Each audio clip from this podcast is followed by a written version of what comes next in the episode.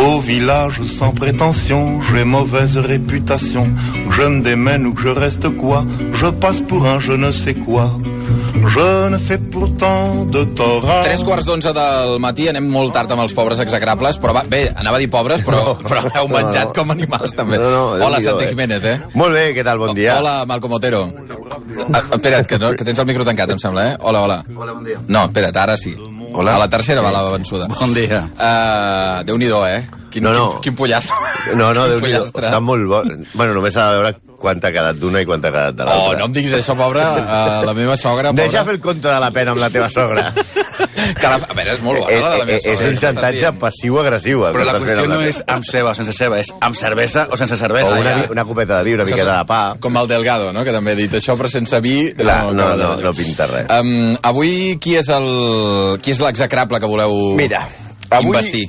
Ara estem en procés de les eleccions nord-americanes Sí. i que Donald Trump estigui un pas, li falta un pas, difícil, però un pas per entrar a la Casa Blanca ha fet que la figura del nostre execrable d'avui es reivindiqui als Estats Units amb enyorança i que els republicans nord-americans el reivindiquin com un gran president. Però que no us enganyin, eh?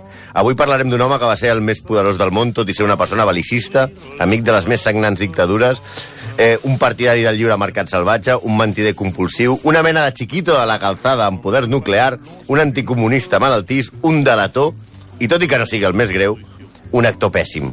Avui li toca el rebre a Ronald Reagan. Oh, Pues dime, chico del futuro, ¿quién es el presidente de los Estados Unidos en 1985? Ronald Reagan. ¿Ronald Reagan? ¿El actor? ¿Y quién es el gran moment aquest en el, el? Regreso al Futuro. Futuro, Sí, sí, genial. Doncs, abans de ser el 40 president dels Estats Units, i si Hillary Clinton no ho evita, la persona més gran que va guanyar unes eleccions presidencials, Reagan va ser actor de pel·lícules de sèrie B. Mm. Pels de l'ESO són com totes les pel·lícules d'ara. No. Sí, bàsica, o a mínim No, no, totes home, les no. que van a veure. Ah, això potser sí.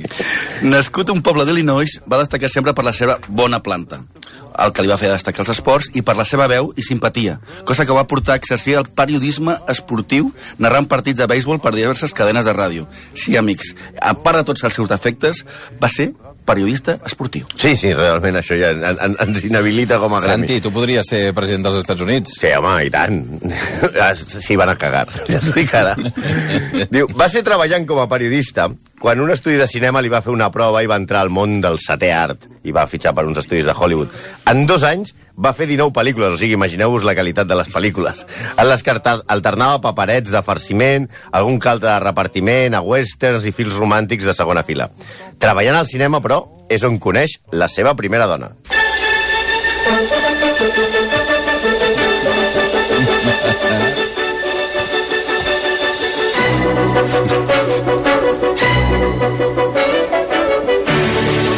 Que bonic. Eh? Oh. Quins, quins records, eh? Bé, no, eh, No, tampoc no no, formen part de la meva història Això, personal. Ara, ara el Basté està, el Basté està donant salts. Això sí, això sí. No, això és la música Falcon Crest. Correcte.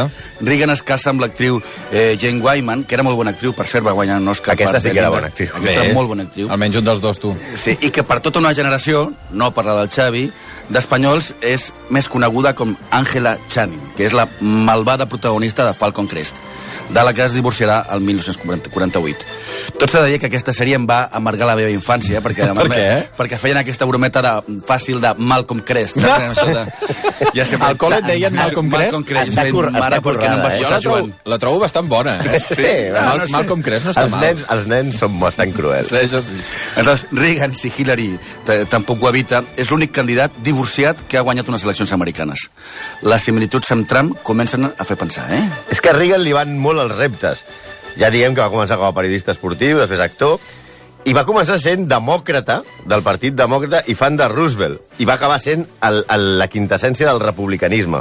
Aquesta transformació es va donar quan després de la Segona Guerra Mundial, a la que es va apuntar com a voluntari, però no va veure ni un alemany ni un japonès ni de lluny, perquè com era miop només va servir als Estats Units, Això és una mica com De Gaulle, veu explicar, no? Sí, una miqueta així. Però aquest ja ni va sortir de casa, de Ja, ja, ja, ja, al ja. mínim va d'anar a Anglaterra. Diu, ell era miop, com dèiem, i, va, i aleshores, després de la Segona Guerra Mundial, que va acabar amb el grau de tinent o gairebé capità, em sembla, va acabar, eh, va passar de l'exèrcit a la presidència del sindicat d'actors de Hollywood.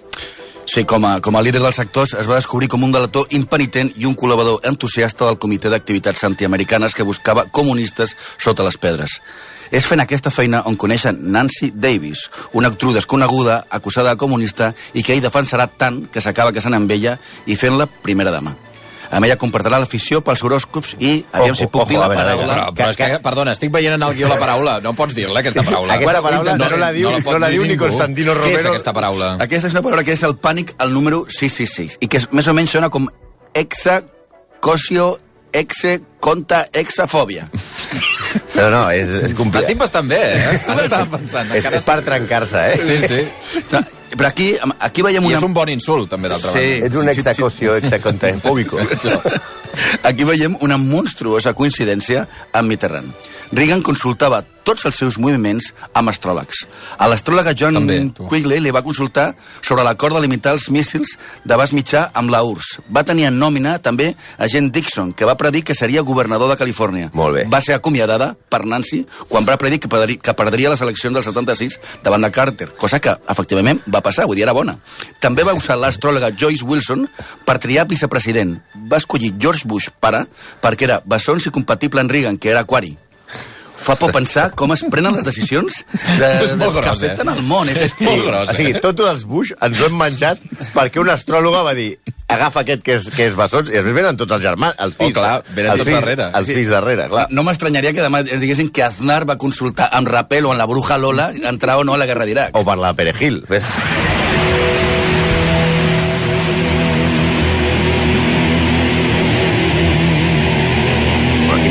Jimi Hendrix Sí. al Festival Maltractant la guitarra. Mira, mira, mira. mira.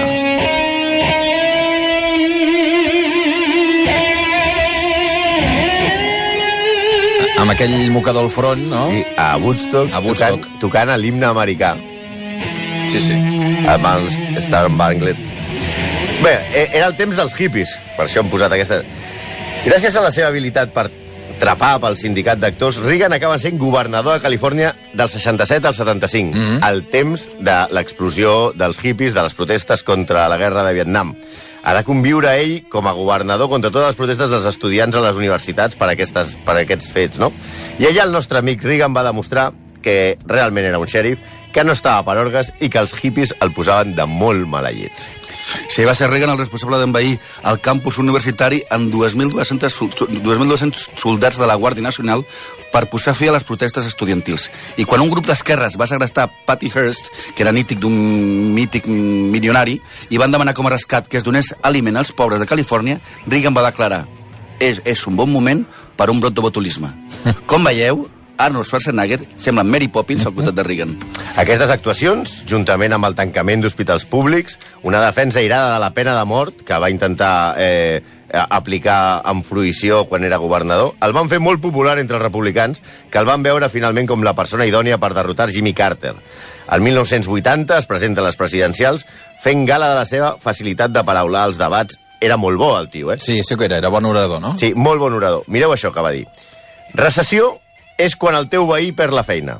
Depressió és quan tu la perds. Recuperació és quan Carter perdrà la seva. Oh. A sobre amb la ironia. Sí, Clar, sí, i amb l'humor Era- utilitzant-lo. Era, era molt, bo, molt Molt bo. Als 69 dies de ser president, el van intentar, intentar assassinar a la sortida d'un dinar amb empresaris en un hotel. Mm. Va ser un tarat enamorat John Hinckley Jr., que obsessionat amb l'actriu Jodie Foster va voler cridar l'atenció a que s'aixava des de feia anys. Hinckley va voler ser com Robert De Niro, se'n recordeu, a Taxi Driver. Perdona, per cridar l'atenció de Jodie Foster volia matar a Sí. Reagan. Sí, és, és una manera de lligar. Era, era, era un assajador, feia dos anys que assajava Jodie Foster, mm. aquest tio. Eh, atents als amants de les, de les conspiracions, perquè Hinckley era fill d'un milionari, d'un milionari que va pagar la campanya del George Bush, Bush un altre cop pare, Sí. que va competir amb Reagan per la nominació republicana. Potser per, potser per això el van declarar innocent de demència i va passar després de 35 anys a un hospital i ara ja és lliure. Si voleu, si el voleu visitar, té 61 anys i viu a Williamsburg, Virgínia. Potser és un encant de paio, eh? Ah, també sí, pot sí, ser. és un molt maco. Molt maco. No, no, clar, el tio, eh, va, evidentment es va salvar perquè era fill d'un milionari petroler i... Oh, clar. clar. Reagan va rebre una bala al pulmó de rebot, no sé el que, el que va sortir més mal parat, va, recordem, el, el, se- el seu cap de premsa, James Brady, va quedar amb una caïda de rodes per tota la vida, mm -hmm. no va aconseguir matar ningú, el Hinckley, gràcies a Déu. Li va rebotar una bala al pulmó, a la, a la, va disparar, va donar una bala al cotxe blindat, li va rebotar i li va entrar un pulmó. El van portar en el, a l'hospital i abans de que l'operessin, ella estava totalment conscient, va reunir a tots els mèdics, els metges i els va dir espero que sigueu tots republicans. Això, mentre estan, estan Abans- fent una abans- operació gairebé de vida o mort. Abans de d'operar va dir tots republicans. Sí, però més enllà del, dels acudits, dels quals ara parlarem, les dues obsessions de Reagan com a president van ser que els rics fossin més rics, més rics i esborrar el comunisme, especialment de Centroamèrica. De, dades per entendre el que va anomenar, que es, va anomenar Reaganomics, que és la seva política econòmica. que és la, se- quan va arribar a la presidència, el sou d'un directiu era 41 vegades el d'un obrer. Quan la va deixar era 92. Què dius? Va augmentar la despesa militar fins al 6% del PIB cada any, que és a dir, el percentatge de la guerra de Vietnam. Va baixar els tipus, el, els tipus impositius als molt rics del 70 al 28. És a dir, va crear una, una, una, un, uns milionaris horteres que ara es presenten a les eleccions i, i, i que potser guanyen. Vols dir, parles de Trump? De eh? Trump, òbviament. Només, només va arribar, li van muntar una vaga als controladors aeris. Es va despatxar tots i es va canviar per militars. Això Els controladors eh? aeris? Sí. sí. Els va fotre militars allà. Sí, sí. I diuen que aquest és moderat al costat de Trump, eh? Però la seva obsessió era la política exterior, l'anomenada doctrina, si l'econòmica es deia Reaganomics, Sí. sí. l'exterior és, és coneguda com la doctrina Reagan. Primer de tot a Orient Mitjà, on volia acabar amb l'Ayatollah Khomeini, d'Iran.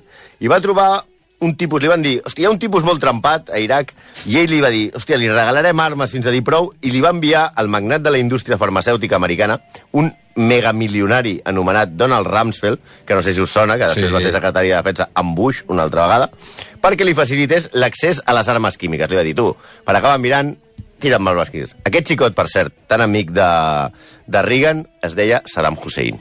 Sí, no eren molt més recomanables els seus amics centroamericans, dictadors cruels com el del Salvador, Honduras, Guatemala, eren convenientment protegits per la Casa Blanca. Va impulsar mitjans la CIA, amb la dictadura argentina, el programa Charlie, d'ensinistrament de, de les esquadrones de la muerte per protegir dictadu dictadures amigues. I fins i tot es va comprovar que fa poc que era un intent de derrocar Fidel Castro va ordenar introduir el virus del dengue a Cuba. Va morir 158 Per matar persones. Castro? Sí. Per, per, per aconseguir la revolució, perquè, perquè fracassés el règim castrista, va introduir El una dengue. cepa de dengue de, a, a Cuba. Però la seva gran operació militar, l'absoluta la, la, la, l'absoluta glòria de Reagan, arriba amb la invasió de la illa de Granada. Granada és una illa molt a prop de Venezuela, del Sí. tamany d'Eivissa, més o menys. Eh? Val. Estats Units va liderar una coalició d'exèrcits que, més que, un, que uns aliats, semblaven les parades d'un creuer. A part d'Estats Units estaven Barbados, Jamaica, Antigua, Dominica, Santa Lucia i Sant Vincent. Van aportar a aquests països 300 soldats i Estats Units 7.000 marines per envair una illeta amb un exèrcit de 1.500 soldats que estaven reforçats per un personal que estava entre assessors militars i, i tècnics que estaven construint un aeroport, que estava format per nominals, eh? 700 cubans, que diguem-ne que tampoc es destaquen per la seva bravura, 49 soviètics, 24 coreans del nord, aquests són els perillosos, 16 de la RDA, 14 búlgars i 3 libis, que ningú sap què feien allà 3 libis, però hi havia 3 libis. És el més semblant quan a Cristiano Ronaldo s'emplea a tope quan juga contra Andorra. Això. La- invasió va ser una estracanada plena d'errades. Es va equivocar d'aeroport i van alliberar Sí. uns estudiants americans. Clar, com estaven fent dos aeroports, o sigui, a, a Granada hi havia... No sabien quin anaven. No sabien quin anaven. Hi havia un que era per aterrar bombarders i l'altre que era el, el de turistes. I van anar el de turistes. I, i, i volien alliberar uns estudiants i es van equivocar d'universitat. Eh, bueno, la, la invasió va ser condemnada per tots els països, especialment per la Gran Bretanya de Thatcher, que, en el, que se suposava que eren aliats. Granada, com a membre de la Commonwealth, havia de ser defensada pels anglesos. La trucada de Reagan demanant perdó a Thatcher és èpica. Es pot trobar per internet. És el més semblant a Lo siento mucho, no me voy a ocurrir. Ja, ja, ja. Aquesta manera d'anar pel món com si fos el xèrif del planeta va acabar per destruir-lo amb l'escàndol famosíssim d'Iran contra. Per resumir-ho fàcil, perquè és una mica complicat, eh? Mentre Reagan donava suport al seu amiguet Saddam Hussein a la guerra contra Iran, al mateix temps venia armes a Iran. Els diners obtinguts es dedicaven a pagar la contra de Nicaragua per derrocar el govern sandinista. Tot això estava en mans d'un militar sinistre que feia molta por, que es deia Oliver North. El sargento de hierro al seu costat era Pocoyo. El problema era que, a més a més, North va pactar amb els cartes de la droga. Sí, senyors. Pablo Escobar, que tenien via lliure per entrar cocaïna als Estats Units sempre que entressin en els seus campaments les, els guerrillers de la contra. Això ho va destapar un periodista del San José Mercury News anomenat Gary Webb i ho va confirmar en una entrevista al director de la CIA, William Carey. Tots dos van morir pocs després. Nord va destruir les proves durant la comissió d'investigació i Reagan va haver de reconèixer que estava al corrent de tot. Bé, de fet ho va reconèixer amb un monòleg televisiu digne d'Ozores, en el que va venir a dir no vaig negociar mai la venda d'armes a Iran per finançar la contra i segueixo pensant que no vaig negociar-la, però els fets de la comissió es veu que sí que ho vaig fer. excel·lent, eh? Una frase excel·lent, eh? I, i, I és que la capacitat humorística de Reagan no tenia preu. Make 'em laugh, make 'em laugh. Don't you know everyone wants to laugh? Ah, ah. My dad said, be an actor, my son, but be a comical one, they'll be sad. Però m'heu dit que el tema dels acudits el portava Era molt de corcoll. Era, era una obsessió legendària. Vull dir, era la seva especialitat eren els acudits sobre els soviètics, que estem parlant, parlant de la Guerra Freda, que explicava sempre en tots els discursos. Col·leccionava acudits com a hobby que sempre deixava anar en qualsevol situació i això desesperava els seus col·laboradors que no podien tractar un tema seriosament amb ell. Li agradaven especialment els que explicaven els russos criticant el comunisme. Li demanava a la CIA, imagineu, eh, a la CIA, que el tinguessin el dia dels nous acudits i fins i tot va contractar Jacob Smirnov, un actor fugit, mm, rus fugit als Estats Units, perquè li expliqués eh, acudits. Són famosos el del cotxe, el dels gossos i el del progrés del comunisme que li va explicar, diuen, Felipe González. El, de, el del cotxe és molt famós, que és el de que Reagan l'explica a, a la, a, a la, al saló de l'automòbil de Detroit, que és el Sí. més important del món. Sí. Ell arriba davant de tots i diu, ustedes saben... Bueno, en català perquè ho va fer en anglès i jo... diu, vostès saben, vostès saben que a, a Rússia, a la Unió Soviètica, per donar-te un cotxe necessites 10 anys. I tu el pagues per endavant. I tots, ja, ja, ja, ja, ja. Diu, no, no, és veritat. Un amic meu l'altre dia va conèixer un rus que va anar a, al concessionari i va dir porto els diners pel cotxe. I jo dic, doni-me'ls. Li va donar i diu, bé, ja pot tornar d'aquí 10 anys a buscar el cotxe. I el rus va dir, però vinc pel matí o per la tarda? I ja està, tots riuen i tal, i es diu, no, no, esperin. I el, el, el venedor del cotxe diu, què més li fa? Si, si és d'aquí 10 anys, pel matí o per la tarda, d'aquí 10 anys. Diu, no, és que al matí em ve el lampista. Que tot ho pagaven per avançat. Li encantava l'acudit de, en fotes de, dels comunistes, sí, sí. Els acudits de. Els acudits, que en va venir... I, i Nancy Reagan, una, ima- una famosa portada que va sortir a la Vanguardia, ballant flamenc, Sí. són les dues úniques escenes simpàtiques de la visita de, que Reagan va fer a Espanya el 1985, on va ser rebut amb molta, molta fredor. Espanya en en aquella època era un país d'esquerra, eh? Sí. Era el PSOE que manava, d'esquerres, Felipe... Mira, fins i tot, Alfonso Guerra, que era vicepresident del govern, se'n va anar a Hongria de viatge oficial per no haver de saludar Reagan. Boníssim. Tierno Galván, que era l'alcalde de Madrid, no el va rebre a l'Ajuntament de Madrid el president dels Estats Units. I Gregorio Pérez Barba, que era el president del Congrés de Diputats, no el va deixar parlar en el Congrés. Eh, ho va haver de fer a la Fundació Juan Marc, òbviament. Tot i això, entre manifestacions de protesta per l'actuació dels Estats Units a Centroamèrica. Sí, abans de viatge a Espanya, Reagan havia dit que els espanyols que havien lluitat a la Ah, Guerra els espanyols Civil... no, perdona, els americans. Els americans, això. Els americans que havien lluitat a la Guerra Civil es van equivocar de bàndol. És a dir, tots els brigadistes, aquests que són com herois, eh, s'havien Sí. equivocat perquè havien anat amb la República. I el dia abans de la seva arribada, TV va programar rotllo desafiant por quién dobla les campanes de Hemingway. Era una altra Espanya, és clar. I el diari El País... Que també era un altre diari.